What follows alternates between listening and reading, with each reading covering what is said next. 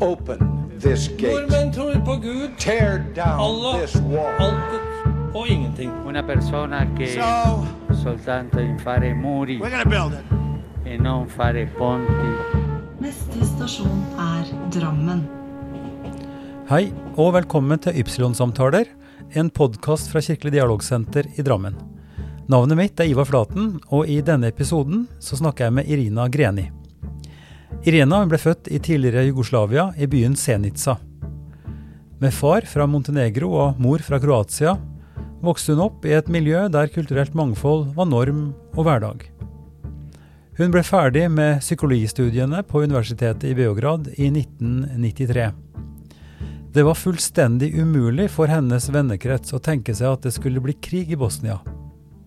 Men som vi vet, det ble krig, og hun levde også i mange måneders uvisshet om foreldrene sine. Heldigvis gikk det bra på tross av vanskelighetene de også hadde, som minoritet og med trakassering og, og problemer gjennom krigsårene. Nære venner til Irina hadde flytta til Norge. På, bak, på besøk der så ble hun kjent med Bernt, og nå har Irina bodd og jobba her i 15 år. Hun var den første rådgiver for mangfold og inkludering i Drammen kommune, og er nå daglig leder for Fontenehuset i Drammen. Det er viktig at vi ser hele mennesket, og ikke reduseres til etniske, religiøse eller kulturelle representanter, sier Irina. Kjære Irina, velkommen til mitt lille podkaststudio en regntung Drammensdag. Tusen takk. Eh, fint at du kunne komme. Eh, jeg har jo en eh, ganske lenge tenkt at du, du, måtte komme hit, og det er flere som har foreslått det også. Så det var på tide. Vi tror jeg møttes eh, da du hadde en formell funksjon her i, Drammen kommune, eh, på rådmannskontoret. Stemmer. Eh, hva var det du jobbet med der? Jeg var rådgiver for mangfold og inkludering i rådmannsstab. Mm. Mm. Og grunnen til at vi møttes der, det var jo at eh, jeg hadde da Og ordføreren hadde tidligere, dette var i september 2007, så møtte han noen venner fra Leicester. Mm. For de hadde vært der og fått en, eh, sånn, nesten en visjon om at uh, det de hadde gjort der, måtte vi også kunne få til i Drammen. Mm. Uh, så denne vesle kirka i, i Leicester uh, med eldre, eldre deltakere, ikke så veldig mange, også en svær moské i nærheten. Mm. Da, og de hadde altså da fått i gang et veldig interessant arbeid, syns jeg, om, som handla om å kunne få til samtaler på tvers. Eh, og du hadde en rolle eh, hos, eh, hos rådmannen da, så når ordføreren ble veldig fascinert av dette, og faktisk også jeg tror, nesten bygde mye av politikken sin på dette feltet mm. seinere, på det han lærte, Mhm. så var du med og tilrettela for denne turen. Og det må ha vært i, i mars, tror jeg, i 2008. Mm, Det var mars, ja, det var Ja. mars 2008. Ja, Det mm, stemmer. Ja. Det stemmer. Og det var i hvert fall et uh, dialogmøte som uh, du organiserte i forkant av reisen. ja. eh, hvor gjester fra Leicester var til stede, og vi fikk høre veldig mye spennende om deres inkluderingsarbeid i Leicester. Veldig inspirerende. Det, det, må, det må ha vært i, i, i september, tror jeg. 2007. Kan hende. Ja, for da, da, da var de, de ble invitert da. Da hadde vi et sånt kickoff, eller et sånt folkemøte, Mm. hvor vi ønska å, å snakke om det å kunne starte opp noe tilsvarende arbeid. Um, og det var i september 2007, husker jeg, og så jobba vi da i et interimstyre, en del av oss, representanter fra forskjellige tros- og livssynssamfunn, for å kunne tilrettelegge. Og da var det veldig viktig, naturligvis, å ha kommunen med og, og ha en forståelse. Og der var du veldig sentral, tror jeg, i, i dette arbeidet. At du var med og både hørte Shanti og, og, og Suleman, som var på besøk, men også var med og tilrettela. Eh, mm. Det var veldig inspirerende, og det var velvilje både fra administrativt og politisk side, og ordføreren uh, var med på den reisen, så Ja. det var en uh, gruppe på, var vi fem personer, Ja, som reiste sammen eh, til vi Leicester. var no, det var en som var med fra Fjell kirke, og så var det en fra, fra moskeen. eh, Jonas. Mohammed var med. Ja. eh, Og var, også kirkevergen, Ivar Ja. Nygaard. Ja. Så skulle vi hatt med skolesjefen, men Mm. eh, han eh, var syk eller hadde familie, ja, et eller annet. Men det var en fin tur i hvert fall. Eh, Så det var det ene punktet som vi sikkert kommer tilbake til litt. Men det Mm. andre som vi møttes på var sammen over eh, lengre tid, det var jo når vi jobba med gjestebudet. Det stemmer. Ja. Eh, er et årlig arrangement hvor vi har samme ideen ikke sant, med å samle folk, hvor du også var med og bidro ganske lenge. Men eh, disse samtalene er jo ikke først og fremst handler ikke om CV eller om, om hva vi, vi gjør og, og sånn, så veldig mye, men litt hvem vi er. Mm. Og da er det veldig interessant eh, for de som lytter på, og for meg også, å høre litt om hvor du vokste opp, eh, hvordan barndommen din og ungdomstida di var. Kan du si litt om det? Ja, jeg vokste opp i tidligere Jugoslavia. Ble født i 1968 i Zenica. Det var en industriby på ca. 100 000 innbyggere i nærheten av Sarajevo. Mhm. Og jeg hadde ganske lykkelig uh, barndom. Uh, uh, to foreldre og en søster. og det som jeg husker fra barndommen min, er mye kjærlighet, mye lek og når jeg snakker med min søster ofte om barndommen, vi ofte husker eh, gata vår i lyset. Det er Ja. Alltid sol og lys. Ja. Og mange barn. Uh, vi lekte veldig mye ute, og jeg Mm. var veldig glad at vi vokste opp før eh, eh, PC-tida, Ja. uh, hvor vi lekte veldig mye ute. Mm. Og det fine var at det var både mange barn, men i ulik alder. Og mm. det fine var at de eldre inkluderte oss Mm. yngre. Mhm. Så det var mye både kreativt og flott lek. Og så var det veldig trygt hjemme. Mm. Trygt og godt. Med Jeg er takknemlig for veldig mye eh, jeg har fått fra mine foreldre. Først og fremst gode verdier, tenker jeg. Mm. Det at eh, de var veldig opptatt av å um, skape to gode medmennesker i min søster og meg. Mm. Og de var veldig opptatt av at vi skal få oss bra utdanning. Mm. Um, og jeg pleier å si den viktigste gaven uh, foreldrene har gitt meg, av min søster. Så hun har vært um, en av de viktigste personene i livet mitt, uten Mm. tvil. Mm. Utrolig mye kjærlighet og nært forhold som er knyttet til Det er veldig, veldig godt å, å ha. Veldig godt å ha søsken. Jeg har jo fem stykker. Eh, forholdet mellom en selv og søsknene kan jo også variere mye. Det er forskjellige, forskjellige personligheter, forskjellige interesser og sånt noe. Men det å ha en sånn nær som du beskriver nå, er jo en stor, stor gave. Og du, Mm. eh, vi må sikkert si det kanskje, at du nå faktisk da opplevde å ikke kunne være sammen med henne på 50-årsdagen. Det er en ganske, ganske dum og trist sak som skjedde pga. flytrafikk og korona sikkert og, osv. Ja, vi skulle jo feire hennes eh, 50-årsdag i Beograd um, for noen uker siden, men eh, flyet ble kansellert, og det må jeg si var veldig, veldig Skikkelig trist nedtur. for meg. Skikkelig Ja, nedtur. Skikkelig nedtur. Men eh, en tur på Vestlandet ble plaster på såret. Ja. Ja, ikke helt det samme, men allikevel Nei. eh, en, en Nei, ferietur. det er to forskjellige ting. Vi trenger, vi trenger ferie og brekk fra jobben, eh, det er helt sikkert. Men du. Irina, jeg spør også i disse samtalene om Du snakker om, om, varmt om foreldrene dine, Mhm. om trygge verdier osv. I hvor stor grad var de knytta til, til fester og livssyn og kirkebesøk eller den type aktivitet? Var det også noe som Mm. du og søster var med på?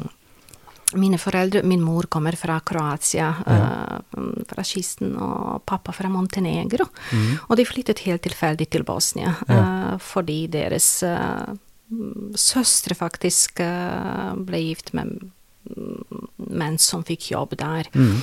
Og så de kom på besøk og, og fikk jobb sjøl, og ble Ja. boende i Zenica. Ja. Eh, Min mor kommer opprinnelig fra en katolsk familie, Mm. men uh, mine foreldre uh, var ikke uh, troende. Mammas familie var nok flere familiemedlemmer av troende, særlig oldemor, som vi var veldig, veldig glad i. Mm. Men ikke så Pappas familie var ikke troende, nei. Nei. Mm. Så, så i oppveksten hadde du ikke noen tradisjon med å gå til kirke eller til, til noe, altså på jul eller påske eller altså disse store høytidelighetene? Hvordan ble, det, det ble ikke avspeila så mye i ditt, i ditt familieliv eller din familie? Vet du hva, jeg, vi har jo feiret ulike. Vi har jo hatt både familie og medlemmer som feiret eh, både jul og id, og Ja. mine venner, ikke sant. Så jeg var med på de feiringene, og mine foreldre. Og for påske, for eksempel, det er tradisjon å farge egg og Ja. Ikke sant. Det har mamma alltid gjort for oss. Vi har hatt juletre. Men uh, det var ikke vanlig med kirkebesøk. Det, man må huske at det er tid og stia, og religionen eh, var undertrykt. Det Ja, var sannhet. Du kunne jo gå til kirken og, og moskeen, men det var jo ikke um, uh, det var jo ikke populært, Nei. og særlig hvis du skulle jo um, ha noen stillinger. Min far var leder for jus og økonomi i et sykehus. Du kunne jo ikke hatt lederstilling, ikke sant. Og, Dette var en del av Titos eh, på en måte forsoningsprosjekt også, og kommunismens idé om at man skulle ha en, en større enhet hvor ikke forskjeller i religion og, og sånt skulle spille ut og, og skape konflikter. Mm. så det har vi jo sett noen skrekkeksempler på naturligvis i, i etterkant, eh, i det området hvor du vokste opp. Hvordan identitetspolitikk og, og religion kan spilles ut som Mm. store, store konflikttemaer. Og det var kanskje noe så pragmatisk. Mine foreldre, er katolsk, fra katolsk familie, ja. og den andre fra ortodoks kristne, ikke sant.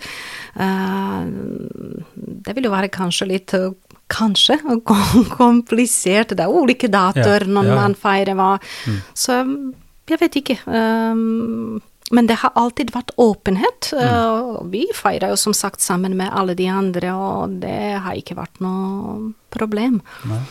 Men uh, Og da blir jo kanskje sorgen og, og krisen desto større når, når disse vennskapene og kontaktene og, og relasjonene blir så eh, eksponert for konflikt, sånn som det ble fra, ja, fra begynnelsen på 90-tallet og sikkert eh, altså etter Tito. da.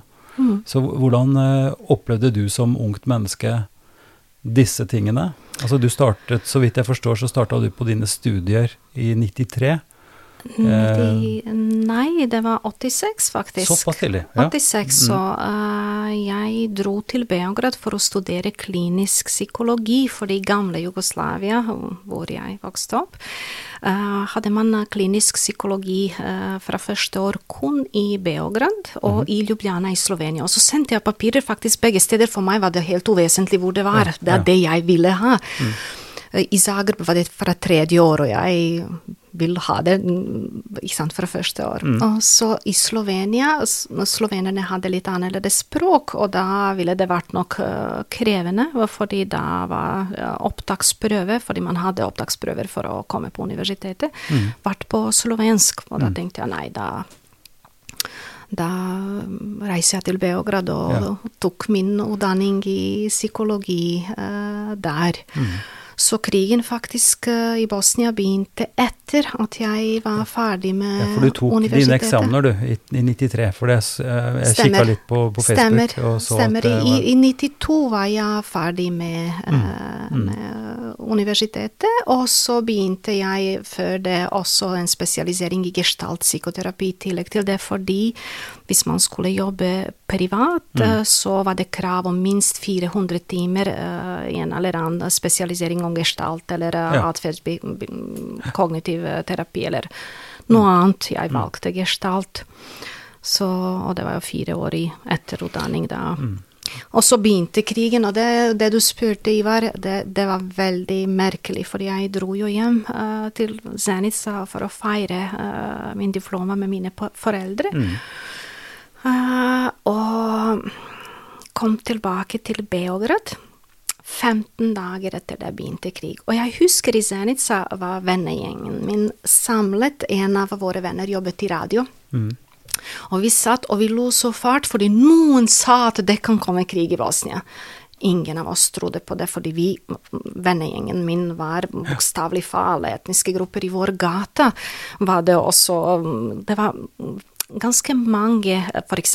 Um, ingeniører kom fra Slovenia uh, i Zenica. Ganske mange lærere kom fra Serbia og Kroatia. Det var veldig blandet. For dette var en by hvor det var mange jobber, altså hvor det var industri og Stemmer. hvor folk kommer fra forskjellige steder. Stemmer. Ja. Så det var jo Mine første naboer var en tsjekkisk arkitekt, og hans kone var tysk. Det var virkelig veldig blandet. Så jeg, jeg vokste opp med mangfold, og for oss var det helt utenkelig at eh, krigen skulle begynne, at noen skal drepe den andre, og hvem er den andre da?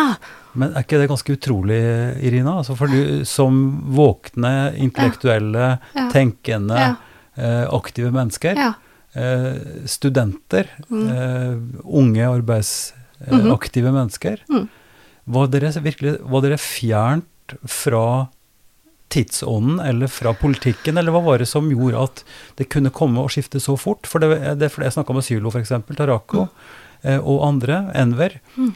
hvor dette kom Altså den fornektelsen eller den følelsen at dette kan ikke skje. Dette, det, det er umulig. Um, Ja, hva, hva er vi vet jo at det er nasjonalisme, vi vet at det er politikere Mm. som puster til, til konflikter og at det, altså, og så videre, men at befolkningen, at dere mennesker, venner Mm. Altså hva, hva er det som skjer der? Du er psykolog, du det, kan det, si det, som er, det som er rart eh, i forkant av dette, eh, Mm. var allerede krig i Kroatia startet. Så vi visste at krig plutselig ble mulig, selv om vi trodde før det at det også var umulig. Eh, men Bosnia var så sammensatt etnisk Mm. at vi rett og slett Hvem skulle drepe hvem? Ja. Det, det var rett og slett vanskelig å tenke. Og hvordan de motsetningene skapes um, Jeg tror at det er jo ikke ett enkelt svar. Um, motsetningen innen Jugoslavia, uh, historisk sett fra 1918, da først det ble etablert kongerike av eh, serberne, kroaterne og slovenerne. Allerede da var det motsetninger i forhold til eh, type stat de ønsket seg. Noen ønsket det mer sentralisert, noen uh, mindre lås og uh, konfederasjon. Og etter andre verdenstid var Tito ganske flink til å balansere uh, utenrikspolitisk mellom øst og vest. Eh, men uh, jeg tror at det nasjonale spørsmålet ble ikke låst på en riktig måte. Så det var um, det viktige som skjedde, veldig viktige som skjedde etter at Tito døde, fordi um, han tok utrolig mye lø lån. Mm. Uh, og etter at han døde i 1980, eh, landet fikk store økonomiske problemer. Mm.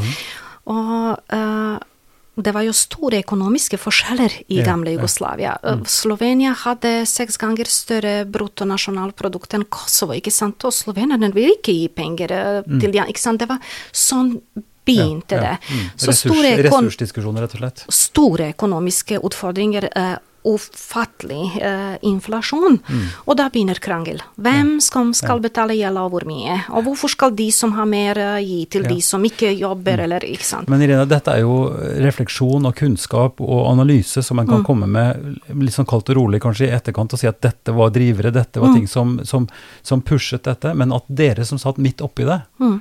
eh, som, var, som var vennegjeng, og som, som ikke klarte å forstå, eller ikke kunne ta inn at dere kunne Nei. Altså Kan jeg spørre, det, gikk dette på vennskapet løs også?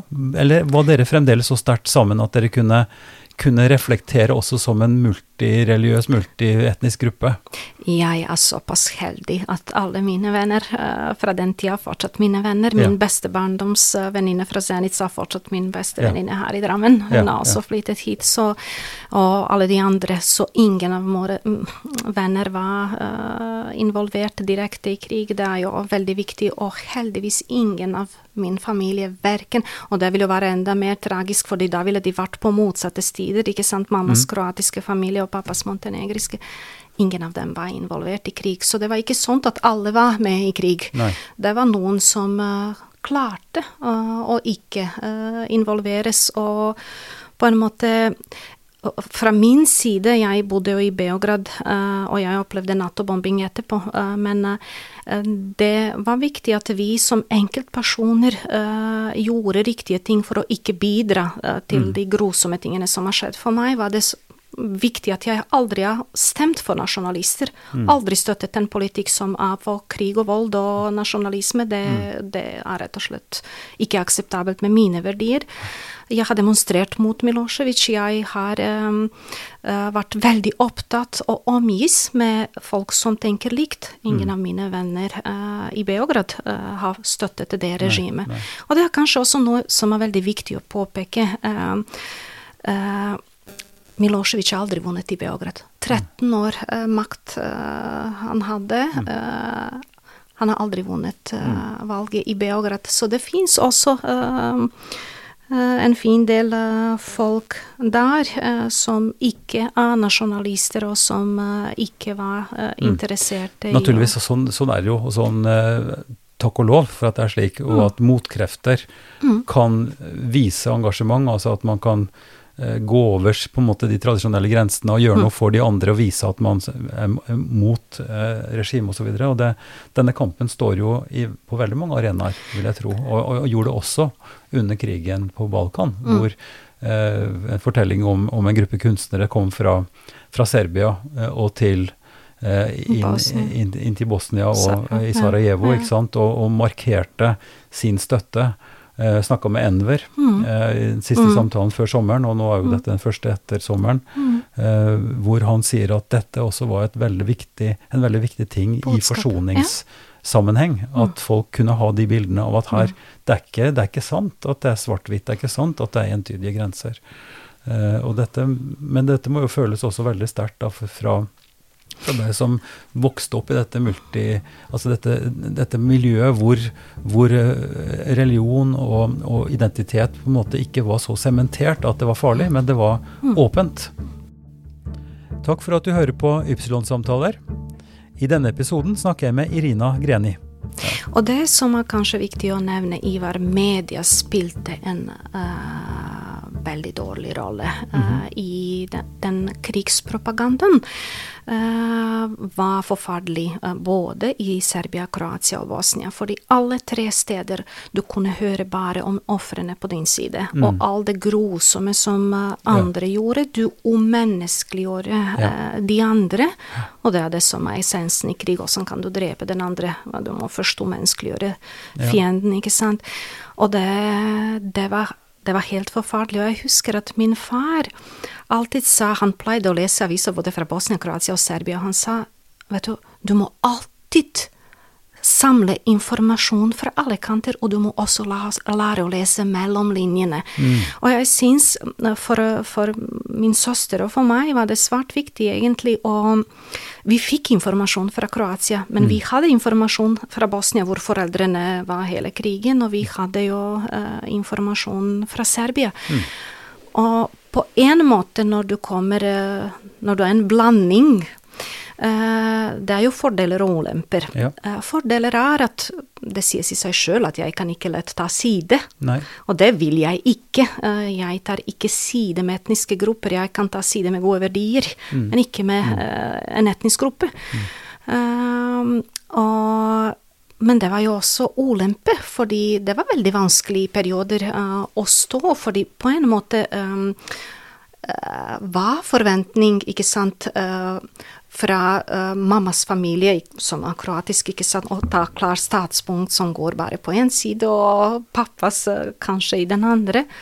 Ikke noe press, men um, jeg, jeg hadde jo rett og slett følelse at livet ville vært mye enklere hvis vi var bare En en eller annen. Ja, ja, ja. At vi er mer like. Ja. Mm, mm, ja. Ja. Jeg skjønner Det det. var jo, det var jo en eh, krevende balansegang, men jeg er eh, likevel takknemlig for at jeg kunne bruke mitt hode og aldri tillate meg mine foreldre Jeg har opplevd å ikke ha kontakt med mine foreldre på fem år. Fordi eh, da krigen i Bosnia begynte, det første som skjedde, telefonlinjer mellom eh, de eksrepublikkene eller landene nå, eh, ble brutt. Eh, og det er faktisk det verste jeg har opplevd, å ikke vite om mine foreldre lever. Du vet at det bombes og skjer ulike ting. Uh, første seks måneder visste vi bokstavelig ikke om de lever. Og eh, så ble det slik at det var noen radioamatører som uh, har hjulpet folk med å få kontakt med sine familiemedlemmer, og så av og til, sånn uventet, fikk søstera og jeg kontakt med noen radioamatører. Det var meget tøft. Det var, det var, det var virkelig mm, Og den frykten eh, for deres liv eh, De har opplevd eh, en del ting som Selvfølgelig som minoritet der hvor de var en slags psykisk press. De ble troet hver natt. Noen ringte mm. og troet dem om å flytte. Og, ehm, og det er noe som vi fikk vite mange år etterpå. Men jeg jeg bare lyst til å si en ting, Ivar. Eh, det viktigste for meg var da krigen var over. Mm. At du kunne aldri høre et eneste vondt ord fra mine foreldre Nei. Og noen andre. Så de levde forsoning, rett og slett? Ja, Mm. de gjorde jo det. De gjorde det, og de gikk på en måte både um, med rak krig med sine verdier. Uh, pappa til og med beholdt sin posisjon, for det første som skjedde når krigen begynte, alle uh, som uh, var uh, enten serbere og andre ikke sant, fra minoriteter, de mistet sine jobber. Jeg tror at min far var en av svært få som ikke har gjort det. Eh, og jeg tror at det er nok det at um, han har vært god venn med veldig mange. og Mm. aldri gjort noe annet, så det har i hvert fall hjulpet ham. Mm. Uh, Men det er jo umulige konflikter det der, fordi, som du sier, altså det å tåle det presset som en blir utsatt for, med anonyme altså trusler, kanskje soldater på døra som, mm. som vil at en skal bli skremt vekk. Mm. Ikke sant? Alt det der som mange kan fortelle om, mm, eh, og hvor det blir så truende at det står, står om livet. Mm. Eh, Og at mange av den grunn også eh, måtte flytte, eh, og kunne flytte. ja. Og dette gikk jo i bølger. altså Jeg har Mm. fått meg fortalt at, eh, at det, var, det var såpass mange flyktninger eh, fra, fra Balkan på det tidspunktet at i 19, altså på høsten, sommeren høsten eh, 1993, så var alle grenser stengt, Mm. eh, bortsett fra Norge. Mm. Så når vår felles venn Enver eh, kom med familien i september eh, i 93, så var Norge det eneste Eneste. stedet. Stemmer. Ja. Mm. Og så er det vel senere, altså når vi nærmer oss Srebrenica-massakrene, Mm. at, at det ble opprettet en fly, en, en luftbro, Mm. som, eh, som Bondevik, eh, statsministeren den gangen, Mm. oppretta, som også er ganske spesielt. At vi Mm. har derfor mange, Ja. mange fra, fra det konfliktområdet som Mm. fikk søke ly, og som, som eh, da bl.a. kom til Norge. Mm.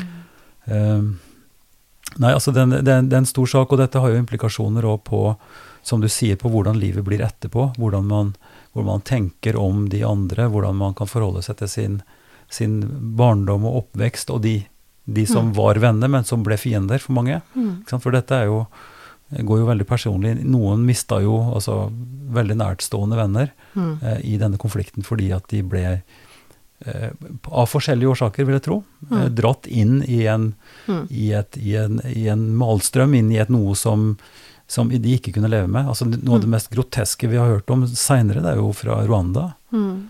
Hvordan eh, en hel rekke ulike årsaker førte til at mennesker ble Mm. dehumanisert, og hvor det utenkelige Mm. da kunne skje. Um, men eh, Irina, når, eh, når vi da møttes ut på 2000-tallet, så hadde du allerede vært en stund i Norge. Og du kom ikke til Norge som flyktning, tror jeg? Nei. Nei, jeg er kjærlighetsinnvandrer. ja, ikke sant? Jeg uh, har truffet min mann i Norge, faktisk. Jeg var uh, på besøk til min uh, venninne fra Zenica, min barndomsvenninne, Mm, for ca. 17 år siden. ja. Um, og så husker jeg at hun og hennes familie ble invitert på hytta til eh, Bernt, eh, mannen min nå. Mm, Uh, og jeg som hennes gjest var med. Mm. Så, men jeg på det tidspunktet Ivar hadde ingen ønsker eller planer om å uh, flytte fra Beograd. Jeg hadde jo godt liv, hadde bra jobb, min leilighet og egentlig venner og mm, liv jeg var tilfreds med. Men så, så Og vil jeg, så vil jeg prøve at Bent eh, flytter dit, og han eh, prøvde det. Han tok um, syv måneders permisjon fra jobben.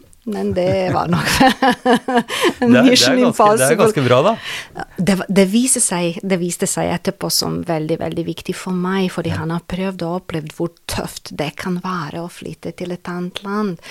Så da jeg kom til Norge, så hadde han veldig mye forståelse og tålmodighet, fordi det var tøft. Det var tøft, selv om 2003? jeg flyttet i 2004. Fire. Mm, Ja. September Ja, 2004. Mm. Nei, Jeg bare tenker på Jeg tenker på at det er svært imponerende at du da på de årene fram til vi møttes i 2007, Mm. eh, hadde etablert deg med en språkkompetanse og en språkferdighet som gjorde at du kunne eh, inneha en viktig jobb i, i kommunen. Det må ha vært en ganske bratt bakke. Ganske effektiv eh, språktrening, vil jeg tro. Takk for at du sier det. Jeg øhm, er veldig heldig at jeg startet med norskkurs øh, på introduksjonssenteret rett etter at jeg kom til Norge, og fikk en utrolig dyktig lærer som jeg er veldig takknemlig til. Bente Tittelstad, og jeg benytter hver anledning yes. til å takke henne. Det er både dyktig lærer og et flott menneske som um, har gjort øh, veldig mye for å støtte øh, mange i denne byen og integrere seg. Så hun uh, var en viktig person som hjalp meg med å lære norsk, men det var også uh, min mann. Mm. Uh, fordi vi bestemte oss å snakke kun norsk hjemme. Ja. Så også var jeg fast bestemt at jeg skal jobbe. Jeg har jobbet 13 år før jeg kom Ja. til Norge, og for meg det viktigste var å snarest mulig begynne å jobbe igjen. Ja, ja. Så etter åtte måneder, da jeg har bestått norskprøve, så søkte jeg jobb og fikk jobb som prosjektleder hjemme i Oslo. Og var veldig, veldig glad for det. Ja. Mm. Men én ting er å ha dyktige lærere og ha en tålmodig ektemann og kunne være dedikert til å trene, men det må jo også være noen personlige egenskaper eller noen personlig interesse for språk og for språkstruktur som gjør at du så fort kunne komme så langt. Er det riktig at du har jobba også med litteratur? eh, Og er interessert i litteratur, eh, lyrikk osv.? Språk? Det er sant. Hvordan vet du det? Nei, det har du fortalt meg på et tidspunkt. Eh, Det må ha vært ganske lenge siden, men Ja. jeg bare husker det. For jeg er selv veldig interessert i litteratur. og Ja.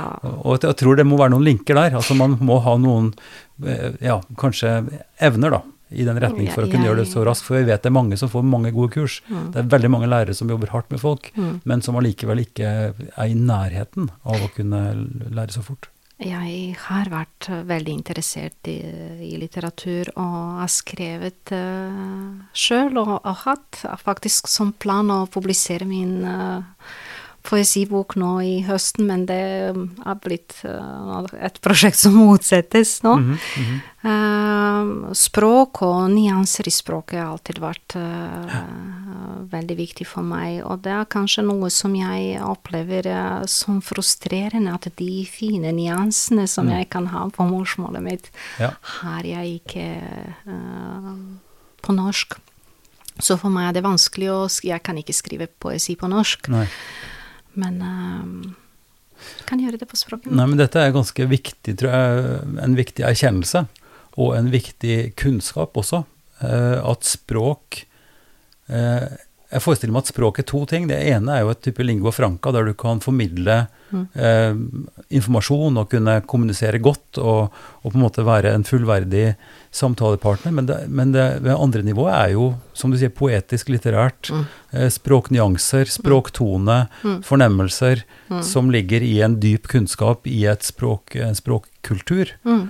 Eh, og det, det kjenner jeg igjen, det har jeg snakka med, med flere, Mm. som er ekstremt dyktige, altså litterært og poetisk på arabisk eller på et hvilket som helst språk, men som strever og føler stor forlegenhet Mm. eh, for å diskutere eller snakke om temaer som er litt, litt dypere eller mer komplekse. Mm. Eh, Og det tror jeg vi skal ha stor respekt for, at, eh, at nå i vår samtale også, at, at eh, det å kunne, kunne dele en samtale på den måten eh, er sikkert både mer slitsomt og krevende enn enn, ja, for folk som da har levd Mm. i litteraturen og levd i språket og, og er Mm. vant til å få formulere seg. Mm. Samme problem er jo for folk som ikke er vant til å, Mm. uh, vant til å snakke så mye. Mm. Ikke sant? At det er en stor forlegenhet med å, å Mm. rett og slett la sin egen stemme høre. Jeg tror det, det er mange faktorer som påvirker hvordan uh, en person lærer språk. Jeg tror at gehør er veldig viktig. Det er veldig viktig hva slags morsmål du har hatt tidligere. Det er noen språk som ikke har mange vokaler, og da blir det ganske vanskelig å lære et språk som er såpass forskjellig. Eh, for meg, motiv motivasjon syns jeg mm, kjempeviktig faktor. Og det er også det at eh, særlig folk som kommer som flyktninger og eh, har hatt eh, veldig tøffe erfaringer, og folk som har blitt traumatisert, eh, kan ha uh, utfordring til å lære nye ting helt Mm. i starten når man flytter til et nytt land. Så um, jeg har hørt en del ganger sånn ganske kritiske eh, holdninger om ja, ja, innvandrere vil ikke lære norsk. Jeg tror at de fleste vil. Mm. Uh, men forutsetninger for å mestre det er ikke like, dessverre. Nei, Mm. nei. Det er veldig stor forskjell på å komme, som du sier, på, som kjærlighetsinnvandrer, Ja. og ha eh, folk rundt deg som vil Mm. det bare vel, og som støtter det på alle mulige måter, Mm. og som er godt inkulturert på forhånd. Mm. Og det å komme Mm. boms inn i noe som er veldig, veldig forskjellig. Jeg jeg er dypt imponert over mennesker som i løpet av få år, Mm. eh, fra f.eks. arabisk, Midtøsten, Mm. eh, språk og kultur, klarer å etablere seg med jobb Mm. med et godt, brukbart norsk, ikke sant, og etablere seg på, på alle måter. Som er traumatisert også, Mm. ikke sant? som har en veldig veldig traumatisk eh, grunn til å komme. Mista familiemedlemmer osv. osv. Så, Så, så jeg tror nok eh, eh, det er god grunn til å høre på det du sier. Altså at her er det folk som, en, eh, som har gjennomgått ting som vi ikke bare kan tenke Mm. oss engang. Og som på tross av det lever, lever livet sitt så godt de kan og, og lærer mye. Mm. Men jeg syns kanskje vi skal, eh, om vi kunne si litt om, om ditt eh, interessefelt og din skal vi si, helt spesifikke kompetanse også på å leve mellom og i ulike kulturer, Mm. som antageligvis også var en impuls for deg til å Når du da kom fra, fra Oslo og jobben der, og fikk Mm. jobb i Drammen, Mm. veldig fort eh, ble interessert i og jobbet med inkluderingsspørsmål. Mm. Uh, vil du si noe mer om det? Var, det? var det en stilling spesifikt som hadde dette i seg, eller var det noe som du var med å forme i når du fikk jobben? Ehm, den stilling var den første uh, av den type uh, i rådmannsstabet da jeg begynte. Uh, så um, den ble til mens jeg jobbet der. Ehm, og da var det min rolle å gjennomføre de eh, politiske vedtak, eller bidra selvfølgelig til, å, eh, til at eh, politiske eh, vedtak gjennomføres i praksis, men også at fremme politiske uh, saker. Og, og da var det fokus Med, med spesifikt fokus på inkludering, eller? eller hva, hva, Inkludering, ja. Ja, ja. ja. det er jo mangfold og inkludering. Ja, så mangfold og inkluderings... Mm. Rådgiver. Rådgiver var tittelen din, ja, nettopp. Mm. Ja. Mm, så husker jeg veldig tydelig at eh, i den kontakten vi hadde og fikk etter hvert i, Mm. i det arbeidet som vi, vi var interessert i begge to, jeg fra min synsvinkel og du fra din, eh, at, du, at du eh, kom i kontakt med fredssenteret, Nansen fredssenter, Ja, stemmer. Kristiane eh, Sehalsen. ja, Mm. som bidro, tror jeg, i og hjalp oss og hjalp kommunen i å komme videre i forhold til dialogforum og, og kunne implementere noen av de ideene som ordføreren og du og vi Mm. så i, i Leicester. Mm. Eh, har du lyst til å si litt om det? Ja, Um, Dialogforum for mangfold og Ja, inkludering ja. ble etablert etter inspirasjon eh, fra Leicester. Og um, vi så jo uh, klart viktighet av uh, en god dialog Mm. uh, på tvers av eh, kultur og religion og etnisk tilhørighet. Og så tenkte vi hm, hvem eh, kan mest om dialog? Mm. Og da var det rett og slett eh, Nansen dialogsenter som pekte seg med svært god erfaring mm. med dialog eh, internasjonalt og i Norge. Og vi eh, tok kontakt med dem og fikk eh, heldigvis eh, svært godt samarbeid med Christiane Seehausen, som har hjulpet oss i å definere temaer og gjennomfører og gjennomføre de eh, dialogmøtene. Så det har vært veldig spennende, spennende arbeid. Og både det og det å treffe så mange spennende mennesker eh, eh, og organisasjoner i forbindelse med jobben min, er kanskje noe av det fineste jeg har opplevd i jobben som rådgiver. Mm. Og det, jeg må jo si at eh, det arbeidet som ble gjort da også har satt spor etter seg. Altså det var et slags nybrottsarbeid å kunne ta denne impulsen fra Midt-England og prøve å implementere i en norsk kontekst. Mm. Eh, og så ble det litt forskjellig fra hvor vi så der. Det, ble, Mm. det gikk, tok noen andre retninger. Mm. Men at det har satt sitt eh, preg på, på politikken og utviklingen av, av eh, disse inkluderingsstrukturene i, i Drammen, det, det, tror jeg, det tror jeg vi skal kunne fastslå ganske, ganske tydelig. Mm. Så det, det syns jeg var veldig interessant. Og kanskje vi skal si litt om det utgangspunktet da, hvor vi, hvor vi dro sammen og var noen dager i, i Leicester. -hmm. Sammen med ordfører Tor Oppdal Hansen den gangen, og kirkevergen Ivar Nygaard. Mhm. Og også representanter fra menighet, en fra, fra Fjell. eh, Og også en fra den muslimske eh, gruppen, og vi Mhm. to. Mm -hmm. Hva sitter igjen, Irina, fra, fra de møtene som vi hadde der? Vi hadde jo møtt disse karene før også. Men det var noe helt annet å oppleve uh, alle de institusjonene og deres arbeid uh, i Leicester. Uh, jeg husker veldig godt møter i St. Philip Center med Shanti og folk som har jobbet der, folk i kommunen. Det var veldig, veldig inspirerende å, å høre hvordan kommunen tenker. Gjen- inkluderingstankegang som gjennomsyrer alt de jobber med.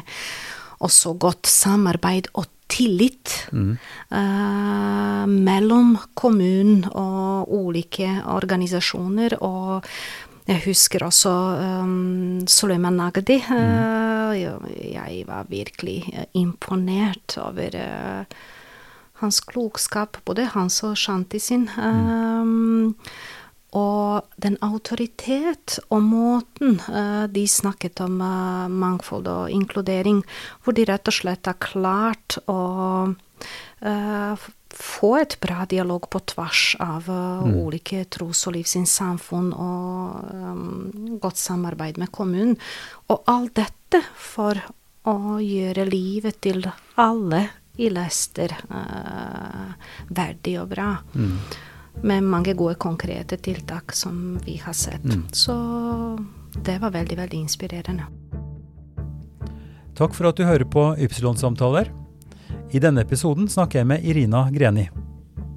Dette har jo også ordføreren eh, snakka mye om. Altså Tore har jo har gjort et stort poeng av dette med, med, med størrelsen, altså mangfoldssamfunnet som, et, som en størrelse.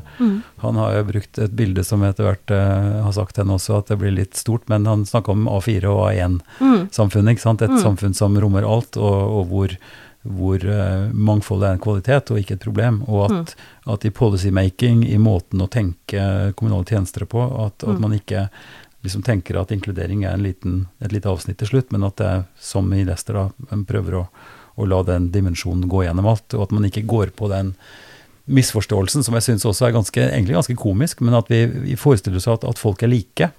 Det er bare noen, noen andre som er ulike. Eh, og de er da helst folk som kommer utenfra, som ser litt forskjellige ut.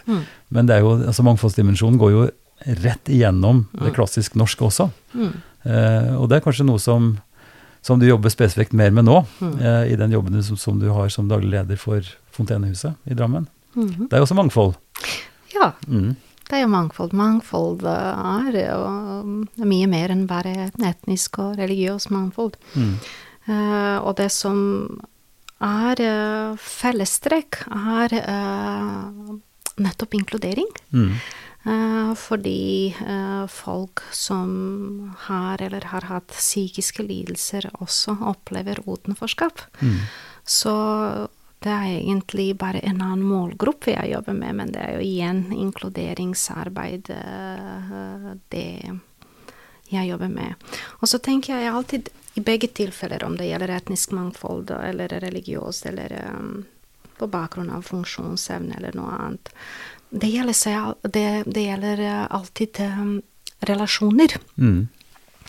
Uh, man pleier å si 'it takes two for tango'. Det, 'It takes two for tango' også når vi skal uh, jobbe med inkludering.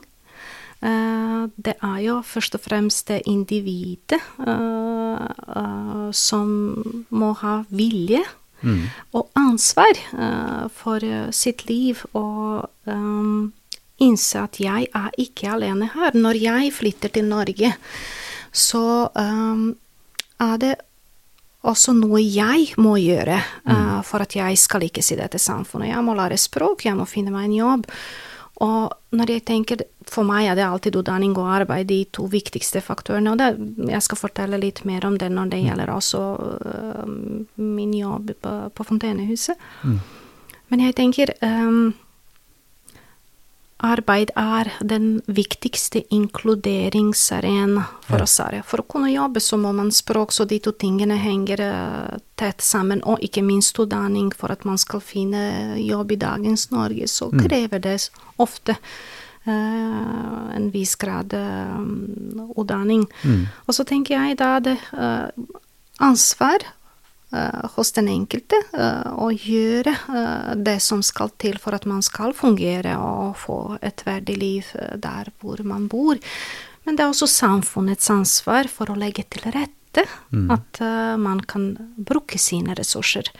At man kan lære språk, at man kan få jobb, at man skal motarbeide uh, diskriminering og alt annet som kan gjøre eh, denne jobben vanskelig.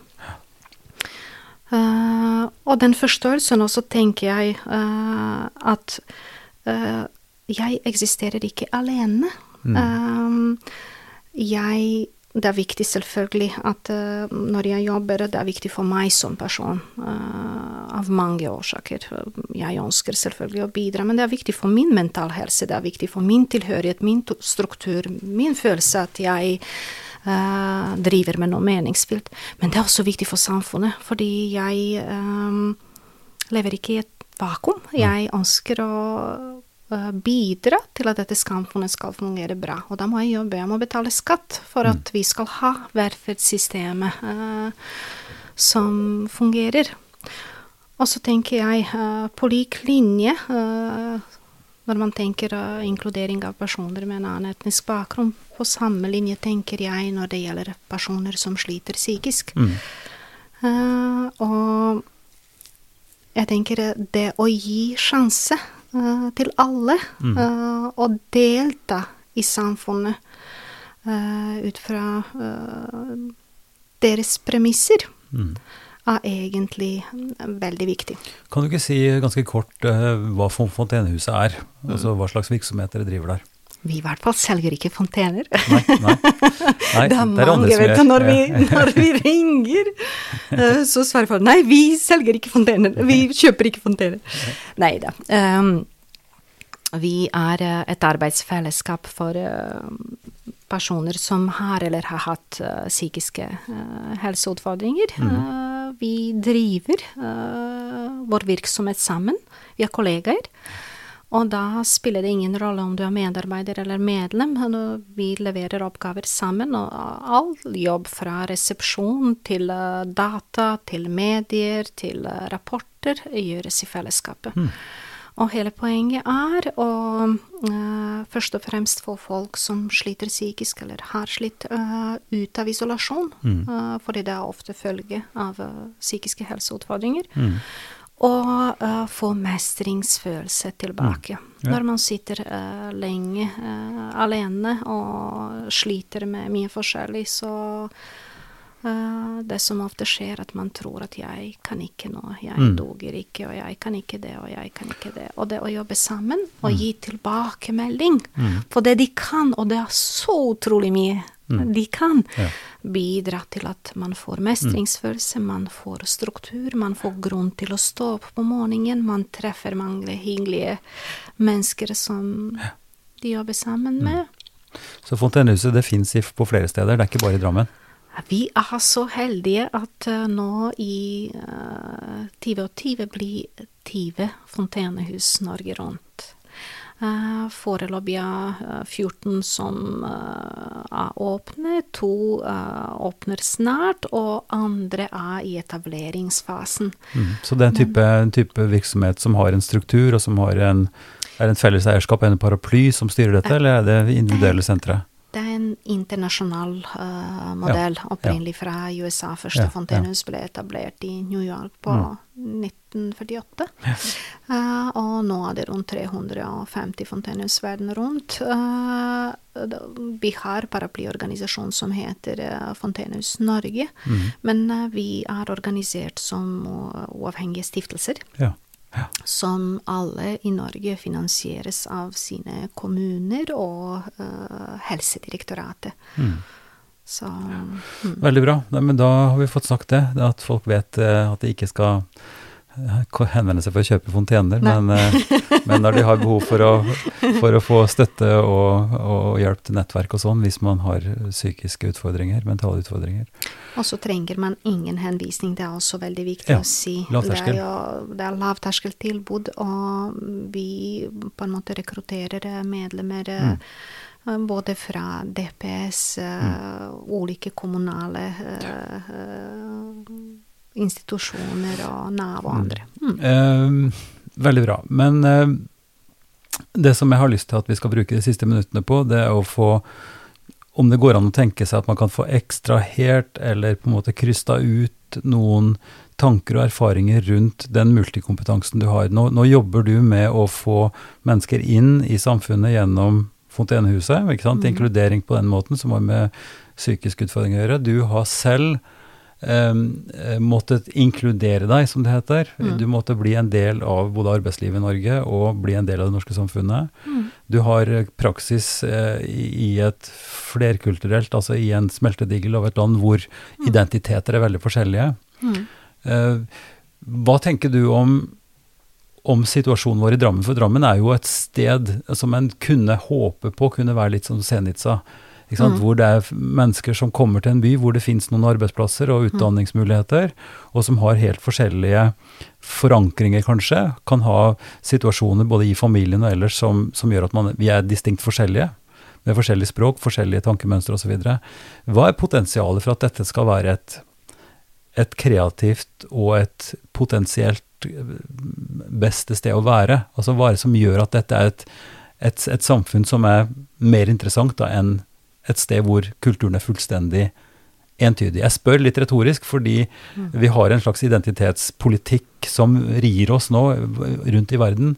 Eh, Når vi snakker sammen nå, så har det akkurat vært valg i Polen. Mm. Eh, Vi ser hva som skjer i Ungarn, vi ser med skrekk eh, på hva som skjer i USA. Som handler mye, tror jeg, om polarisering og identitetspolitikk, hvor det er viktig å karakterisere de andre som forskjellige og som Mm. potensielt farlige. Mm.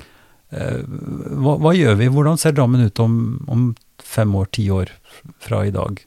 Worst case, best case. Og hva skal til for at vi skal nå den gode, og fortsette den gode utfordringen, ut, utviklingen? Jeg er absolutt optimist. Mm. Jeg syns at uh, Drammen har allerede gjort utrolig mye bra, og er en av de beste eksemplene i Norge når det gjelder uh, inkluderingsarbeid. Og det er både takket være uh, bra jobb eh, som Drammen kommune gjør, men også mange viktige organisasjoner som Drammen Omegn Tros og Livssynssamfunn Forum. Forum, unnskyld. Mm, mm.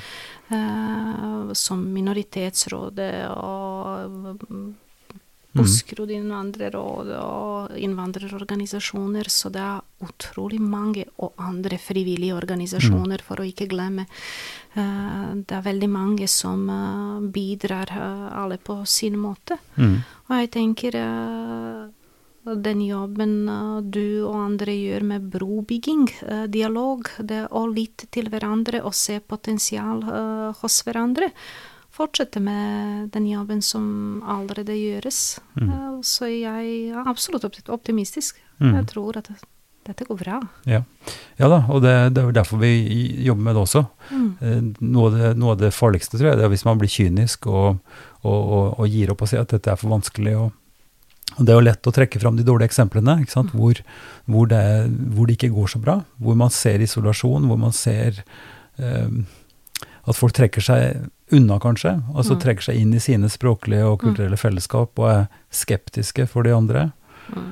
Eh, Så, så noe av eh, hemmeligheten og utfordringen er også hva slags arenaer vi ser for oss eh, ut, utover arbeidsplassene. ikke sant? Hvilke arenaer, fellesarenaer, kan vi på en måte bidra til å utvikle videre, som gjør at vi Mm. kan møtes og danne disse trygghetsstrukturene? da. Mm. Jeg tenker både å skape flere møteplasser og utvikle videre de eksisterende flotte dialogarenaer som, som eksisterer i byen. Mm. Uh, og gjerne uh, enda mer satsing i retning uh, arbeidsinkludering. Mm. Jeg syns at arbeidsinkludering er utrolig viktig faktor eh, for oss alle. Eh, det er jo mesteparten av eh, vår våkentid bruker vi på jobben. Mm. Og det å få sjanse å uh, skaffe seg en jobb uh, og tilhøre en organisasjon, uh, fellesskap, firma, ikke sant, er utrolig viktig. Eh, Og det jeg kunne ønske mer samfunnsansvar hos arbeidsgivere. Det gjelder også Fontenehuset, fordi for oss er det kjempeviktig å få folk ut i arbeid og utdanning, alle som mm. kan og vil. Og da trenger vi uh, flere uh, samarbeidspartnere ute, flere firmaer som skal uh, gi sjanse til de som har hull i CV. Samme, på samme måte som det gjelder innvandrere og alle andre som sliter å komme. Eh, og det må ikke være innvandrere. Vi må ikke glemme at det fins en fin del nordmenn som sliter med å, Ja. å komme Ja, ja. i arbeidsmarkedet, så det gjelder alle. Mm. Det gjelder alle. Mm. Jeg, jeg tenker også at vi kunne ha sagt et par ord om, om eh, din eh, Hva du vil si om din identitet. Altså, du, du har din bakgrunn fra Senica, som du har fortalt veldig fint om. Mm. Studert i Beograd. eh, har levd i Norge nå i 17 år. Mm. Eh, er nå litt i, ikke bare litt, men kanskje i sorg over å, å miste 50-årsdagen til søsteren din. Mm. Eh, hvor, hvor, er, hvor er du hen, sånn i, i forholdet mellom å være norsk, eh, ikke norsk eh, Har det relevans? Er det, er, det- er det interessant å snakke om det i det hele tatt? Eh, altså når, når vi møtes nå som Mm. personer, ikke sant? det som, som eh, mangegenerasjons trønder som nå har flytta til Drammen. Mm. Eh, men ja, er identitet viktig, og i tilfelle i, i hvilken grad er det viktig i forhold til det vi nå har snakka om i dag?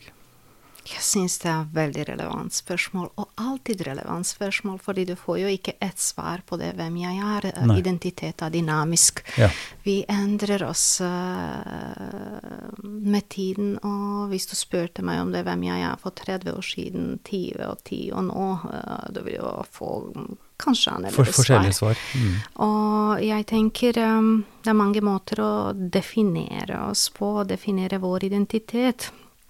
Og det er mange fasetter av identitet. Uh, um, det å være med en eller annen etnisk bakgrunn, det er bare én av fasetter. Og jeg må innrømme at jeg liker ikke å reduseres til det å bli valgt i en eller annen fora fordi jeg er innvandrer. Det, det syns jeg er pinlig. Ja. Eh, jeg er mye mer enn det. Ja. Ja. og, men det er jo en fasett. Det er del av min identitet. Og det er ofte, ikke sant, når folk spør hvor du kommer fra, og så sier fra tidligere Jugoslavia, ja, men hvor da? Ja. Folk vil gjerne plassere det. Og når jeg begynner å fortelle, men jeg er en blanding, og jeg virkelig tilhører flere kulturer, og jeg er veldig glad både i Bosnia og Kroatia og Serbia, og jeg fortsetter med det. Jeg er utrolig glad i Norge, og jeg rett og slett lar meg påvirke og ta det beste av alt dette. Og jeg kan si at jeg har flere hjem. Jo, jeg tilhører ikke bare Norge, jeg er veldig glad i Drammen. Jeg er en drammenser som er glad i byen sin. Men uh, jeg er også mm, veldig glad i både Beograd, jeg er glad i Sen i Kroatia ved kysten hvor vi har hus. og så på den måten tilhører jeg flere steder. Men jeg, som sagt, er ikke bare det. Jeg um, er en som er glad i kultur og kunst. Jeg er en som har en mann jeg er glad i. Øh, Jeg er tante til to flotte nevøer. Jeg er venn.